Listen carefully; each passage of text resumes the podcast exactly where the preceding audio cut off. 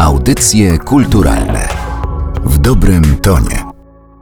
Wielką przyjemność powitać Was w kolejnym odcinku Audycji Kulturalnych. Ja się nazywam Aleksandra Galant. Dzisiaj będziemy rozmawiać o takiej postaci, o osobie, która jest z nami od samego początku. Samego początku nie tylko w wymiarze jednostkowym, ale też jak najbardziej globalnym. Chodzi o matkę. Matkę, która była na wiele sposobów portretowana i przedstawiana zarówno przez pisarzy, malarzy, później filmowców, autorów sztuk teatralnych i spektakli.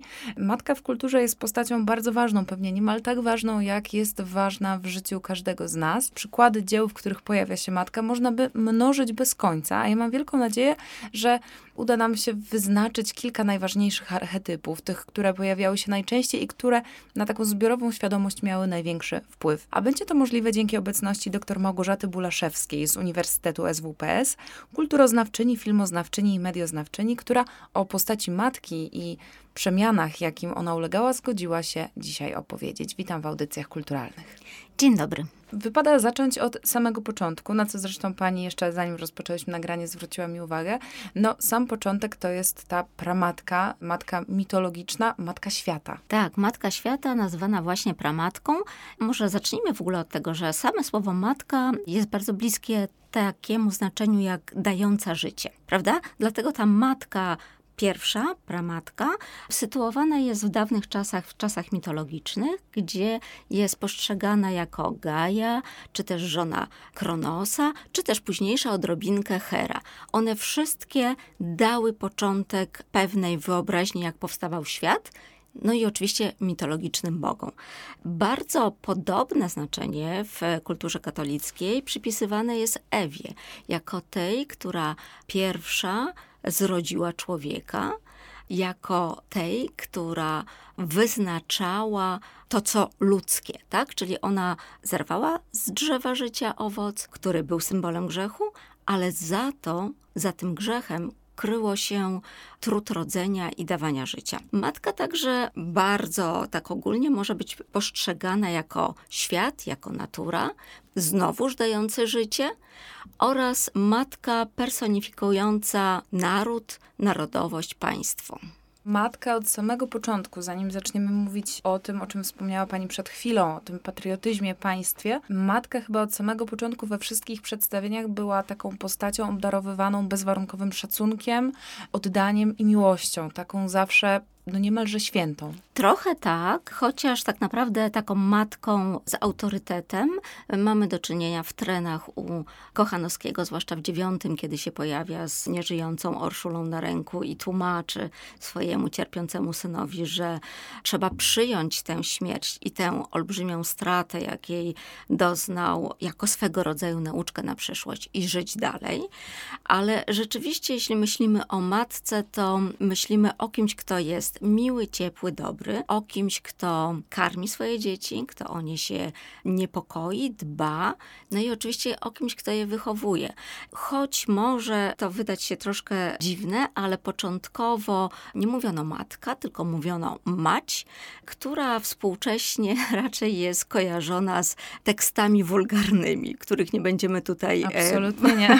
podawać. Natomiast matka, zwłaszcza matka szlachecka, mówiono wtedy pani matka, w taki sposób pokazując wielki szacunek i respekt. Tutaj chyba możemy nawiązać do takiego mitu społecznego, którym stała się Matka Polka. Matka Polka, do której swój wiersz adresował Adam Mickiewicz w 1830 roku. Matka Polka, która stała się symbolem nie tylko matki ciepłej, obdarzającej miłością, ale przede wszystkim matką cierpiącą i matką tęskniącą i mam wrażenie, że to wpisało się na stałe w sposób przedstawiania matek w polskiej kulturze. Ta matka jeszcze jest także nazywana, ta, o której pani wspomina z wiersza Mickiewicza. Zresztą później także i z dziadów, które chyba pewnie naszym słuchaczom bardziej są znane niż wspomniany wiersz. Ona jest także personifikowana jako matka Polka, reprezentująca naród, reprezentująca rodząca tych, którzy walczą o naród. I rzeczywiście współcześnie postać matki Polki wiąże się właśnie z z tym, że jest to kobieta, która rodzi synów głównie, synów walczących o wolność Polski. Choć później, już w czasach, w latach 70. XX wieku, czyli w okresie PLR-u, matka Polka była raczej kojarzona z tą, która wystoi w kolejkach, zdobędzie, w jakiś sposób jednak zdobędzie, tak to trzeba nazwać, to, co jest niezbędne dla domu. Ona dba o to, by ten dom funkcjonował. Zanim przejdziemy do PRL-u, do XX wieku, zatrzymam się jeszcze przy tej historii dużo wcześniejszej, bo mam wrażenie, że również historia Polski, naznaczona wieloma wojnami i rozbiorami, ona spowodowała taką myśl, taki zwrot w kierunku matki ojczyzny, patriotyzmu. To jest to, o czym pani już wspominała i może teraz jest ten moment, żeby to rozwinąć. To jest ten wiersz, o którym pani wspomniała, czyli do Matki Polki Mickiewicza, ale pojawia się także u Krasickiego w hymnach, ale także jeszcze wcześniej możemy znaleźć matkę, symbol ojczyzny w Potopie u Sienkiewicza, kiedy to właśnie matka jest kojarzona z tym miejscem, gdzie mieszkamy, z tą naszą ojczyzną, z tą naszą bliskością.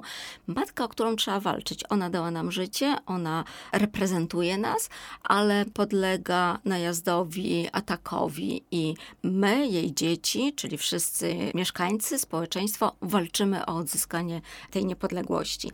Co ciekawe, w potopie, czyli w tym samym okresie historycznym, o którym mówimy, pojawia się też symboliczna Matka Boska, która jest opiekunką ojczyzny. I tam także Kmicic i wybuch Częstochowie, prawda, pod Częstochową tych murów i Matka Boska, która chroni wojska walczące o niepodległość kraju.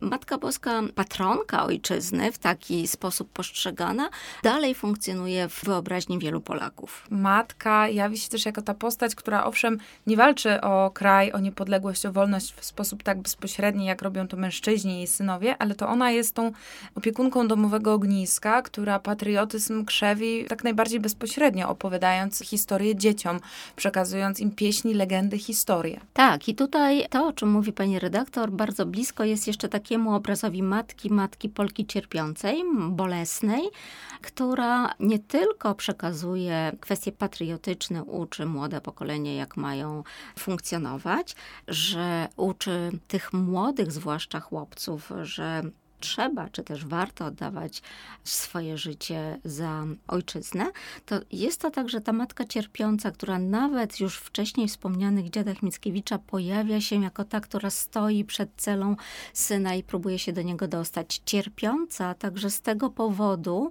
że wie, że cierpi ten jej syn, że ona sama przyjęłaby jego cierpienie. I tu jest bardzo bliskie nawiązanie do Matki Boskiej Bolesnej Cierpiącej, czyli Maryi, która stoi pod krzyżem, którą poznajemy później jako Pietę, trzymającą swojego nieżyjącego syna na kolanach. Wiele sportretowanych matek Polek, które cierpią, bo nie mogą przyjąć tego krzyża, tego cierpienia i tych smutków i tych boleści za własne dziecko. Głównie w kontekście patriotycznym za swoich synów, ale na przykład w balladynie jest bardzo ciekawa postać matki cierpiącej, czyli matki balladyny i Aliny, która nawet poddana torturom nie zdradza swojej córki, ukochanej córki balladyny. Woli ponieść śmierć, czyli oddać tak naprawdę wszystko, całe swoje życie za ukochane dziecko. I taki obraz matki poświęcającej się za swoje dziecko, już bez względu na to, jakiej płci,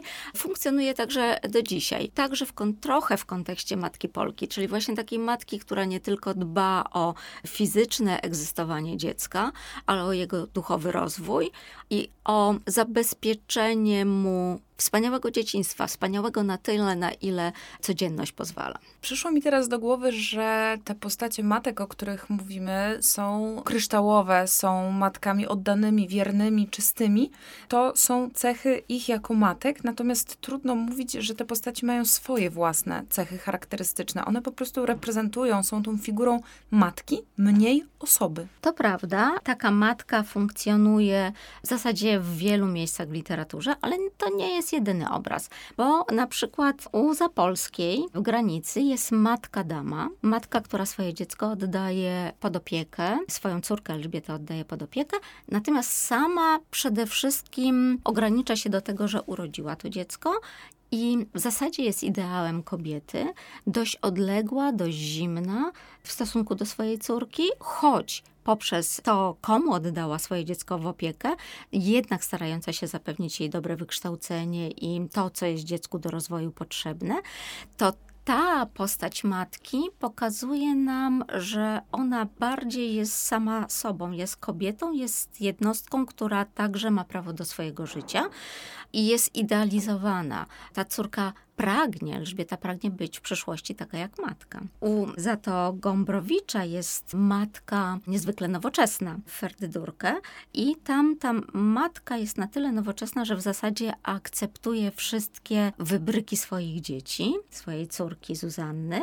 Akceptuje nawet to, że, że Zuzanna jest w ciąży i nakłania ją do urodzenia nieślubnego dziecka, ta akceptacja nowoczesności kończy się w momencie, kiedy zastaje swoją córkę z dwoma mężczyznami. Wtedy wraca ta matka surowa, ta, która wyznacza granice postępowania i granice moralności. Natomiast takie matki, które kładą nacisk na siebie, one są głównie znane z kinematografii współczesnej, trochę mniej polskiej, zwykle światowej taką matką, która kładzie nacisk na siebie. No przede wszystkim gra o tron, pewnie wszystkim znana. Tutaj jest Cersei Lannister, która poświęca swoje dwójkę dzieci. Dwóch synów ginie, umiera, zostaje zabitych po to tylko, by ona mogła osiągnąć swoje własne cele. Ale jeśli byśmy chcieli poszukiwać podobnego wzorca, no to byśmy na pewno znaleźli Jokastę, która także poświęca swojego syna Edypa. Jak się później okazuje, Edyp jednak żyje i matka Jokasta, nie wiedząc, że ta postać, ten mężczyzna, który przyszedł do Bramtep, jest jej synem, wychodzi za niego za mąż. I tu jest cały tragizm tej postaci matczynej. Rozmawiałyśmy już o tym, że to, w jaki sposób opisywano matkę, bardzo mocno nawiązywało do takiej sytuacji historyczno politycznej w Polsce. Mhm. Dlatego zastanawiam się, czy można wyróżnić coś, co się zmieniło, jeżeli chodzi o postać matki w dwudziestoleciu międzywojennym, kiedy to widmo wojenne na moment się oddaliło i walka o granice, o terytorium, o własną państwowość chwilowo nie była tematem głównym. W momencie, kiedy jesteśmy w okresie międzywojennym, w tangu Mrożka na przykład mamy antymatkę, postać antymatki, która kompletnie się nie interesuje swoimi dziećmi i zajmuje się swoimi własnymi sprawami Rzeczywiście te kwestie związane z historią naszego kraju, one bardzo ściśle ukonstytuowały obraz matki. I ta matka, która zajmuje się sama sobą, która niekoniecznie dedykuje całe swoje życie swoim dzieciom, ona troszeczkę mniej wybrzmiewa, ona jest mniej znana i mniej popularna. Dlatego też wydaje się, że tak naprawdę z całej historii polskiej, jeśli o niej mówimy, to mamy obraz kochającej matki, która jednak bardzo opiekuje się swoim potomstwem, także w kontekście przenoszenia tradycji, ale także fizycznym wychowaniu swoich dzieci na ludzi, których nie będzie trzeba się wstydzić, ludzi, którzy będą fajnymi przedstawicielami kraju, miasta, tego, gdzie dana matka się znajduje, tego, gdzie dana matka wychowuje swoich ludzi. To, co jest ciekawe, to z kolei znowuż w kinematografii mamy film Janusza Zaorskiego pod tytułem Matka Królów i tu znowuż mamy pokazaną matkę Polkę, która samodzielnie wychowuje czterech synów po śmierci męża. Ona właśnie jest taką klasyczną, która nie dba o swoje potrzeby, a wszystko, co robi w życiu, robi po to, by wychować swoje dzieci. Na samym początku naszej rozmowy wspomniała Pani trochę o takiej matce zaradnej. To jest już matka czasów PRL-u, matka, która wystoi w kolejkach, załatwi coś pod ladą, której uda się coś, dlatego właśnie, że jest tą matką. Myślę, że tutaj fajnie się odwołać do 40-latka, gdzie mamy Madzie, jako taką matkę trochę powiedziałabym kwokę, trochę matkę Polkę, ale, ale bardziej taką matkę kwokę, która pod skrzydła bierze swoje dzieci. Ona właśnie organizuje całe gospodarstwo domowe, to żeby było co zjeść, żeby dzieci chodziły do szkoły, żeby jagoda nie wisiała zbyt długo na trzepaku. To jest kobieta, która opiekuje się, taka matka opiekunka domowego ogniska. To ona opiekuje się całym domem, to ona nadaje rytm, jak dom funkcjonuje. No i oczywiście mąż jest no, bardzo ważny jako ojciec, ale to jednak z jej inicjatywy wiele rzeczy w tym domu się dzieje. Czy to działka, czy to wyjazd do znajomych, czy to przyjęcie brata. Czy wyjście do teatru, to wszystko jest jej inicjatywą. Ona organizuje to, w jaki sposób funkcjonuje cały dom. Chociaż nie jest to najbardziej oczywisty przykład, ja pomyślałam o filmie Przesłuchanie z 82 roku, filmie Ryszarda Bugajskiego.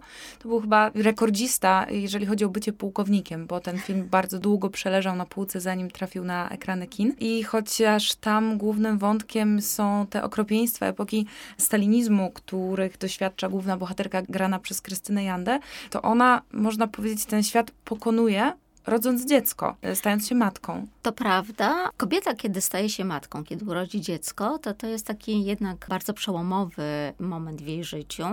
I zwykle ten moment jest gloryfikowany. Znaczy mówimy, jak to wspaniale, że zostałaś matką, a nikt nie zwraca uwagi na to, jak ta codzienność wygląda. Bardzo rzadko w kinematografii otrzymujemy obraz matki, czy też matek, które borykają się z tą codziennością, które mają kłopoty z życiem codziennym albo nie mają funduszy, albo mają bardzo mało tych funduszy, albo mają problem alkoholowy, który także pojawia się w polskiej kinematografii, jak w filmie pod tytułem Kochankowie mojej mamy Piwowarskiego. Janda, która jest matką trochę taką trudną jednak, bo to jest matka, która rodzi, która staje się kobietą świadomą, która wie, że ma dziecko i trzeba się tym dzieckiem zająć, ale powiedziałabym, że tak nie do końca pogodzona z tą rolą, która została jej przypisana i tego, czego społeczeństwo od niej oczekuje. Mówiąc o matce, musimy pamiętać o tym, że ta postać jest tak gloryfikowana w naszym społeczeństwie, że wydaje się, że ta matka, nie chcę powiedzieć, że jest taką matką boską nieskalaną, ale jednak widzi się w niej same pozytywne cechy. Nie widzi się i wydaje się, że skoro już zostałaś matką, no to świat leży u twoich stóp i wszystko jest takie wspaniałe. A rzeczywistość jednak okazuje się inna, co widzimy w wielu filmach, choćby w Baby Blues, gdzie z kolei mamy nastoletnie matki, które kompletnie się nie spodziewały tego, jak ta rzeczywistość będzie wyglądała. Mam wrażenie, że ostatnia dekada w polskiej kinematografii, ale też jeżeli chodzi o polską literaturę, to jest czas, kiedy zaczęto mówić wprost o tym, że matkom, które były przez całe dekady, nawet stulecia gloryfikowane, czasem brakuje sił, że ta codzienność bywa czasami przygniatająca.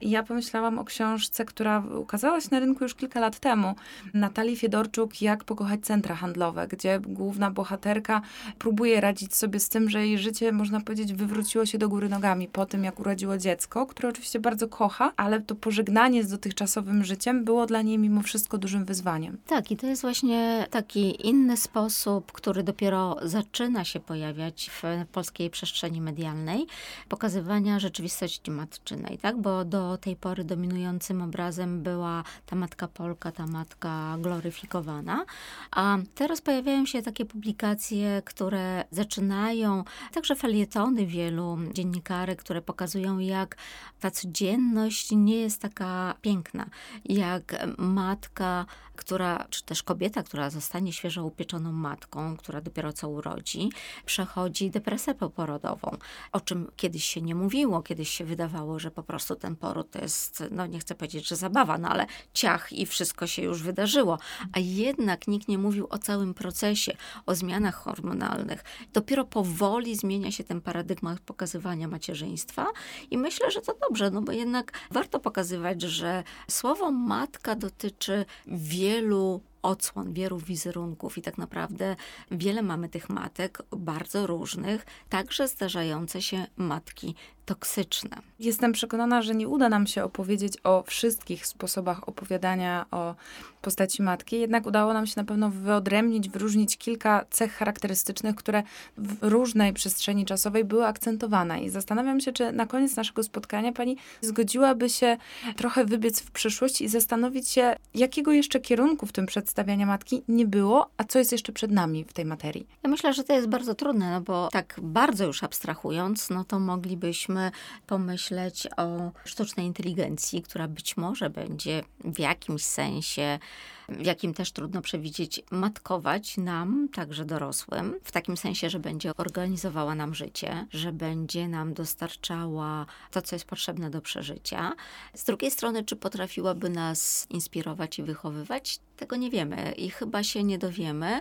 I też chyba byśmy nie chcieli, bo te wszystkie futurystyczne filmy, które się pojawiają w przestrzeni medialnej, one pokazują, co się dzieje ze światem, kiedy władzę w świecie przejmuje, no nie człowiek, tylko jednak coś, co jest sztucznie wykreowane. Takiego świata chyba byśmy nie chcieli, ale mamy też przykłady matek, znowuż niestety nie w polskiej kinematografii, ale mamy przykłady matek, które kładą wielki nacisk na karierę zawodową.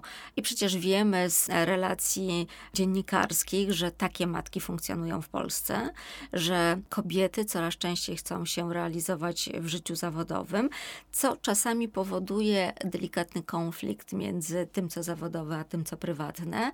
I wydaje się, że jest mało miejsca i czasu, a później także i sił na wychowywanie swojego potomka. Choć z drugiej strony presja kulturowa jest tak silna, że w zasadzie każda kobieta, która zostaje żoną, jest w stosunku niej takie oczekiwanie, że w niedługim czasie powinna zostać matką. I z taką refleksją zostawimy Was dzisiaj o sposobach, w jaki artyści postrzegają i przedstawiają matki, jak zmieniało się to na przestrzeni lat.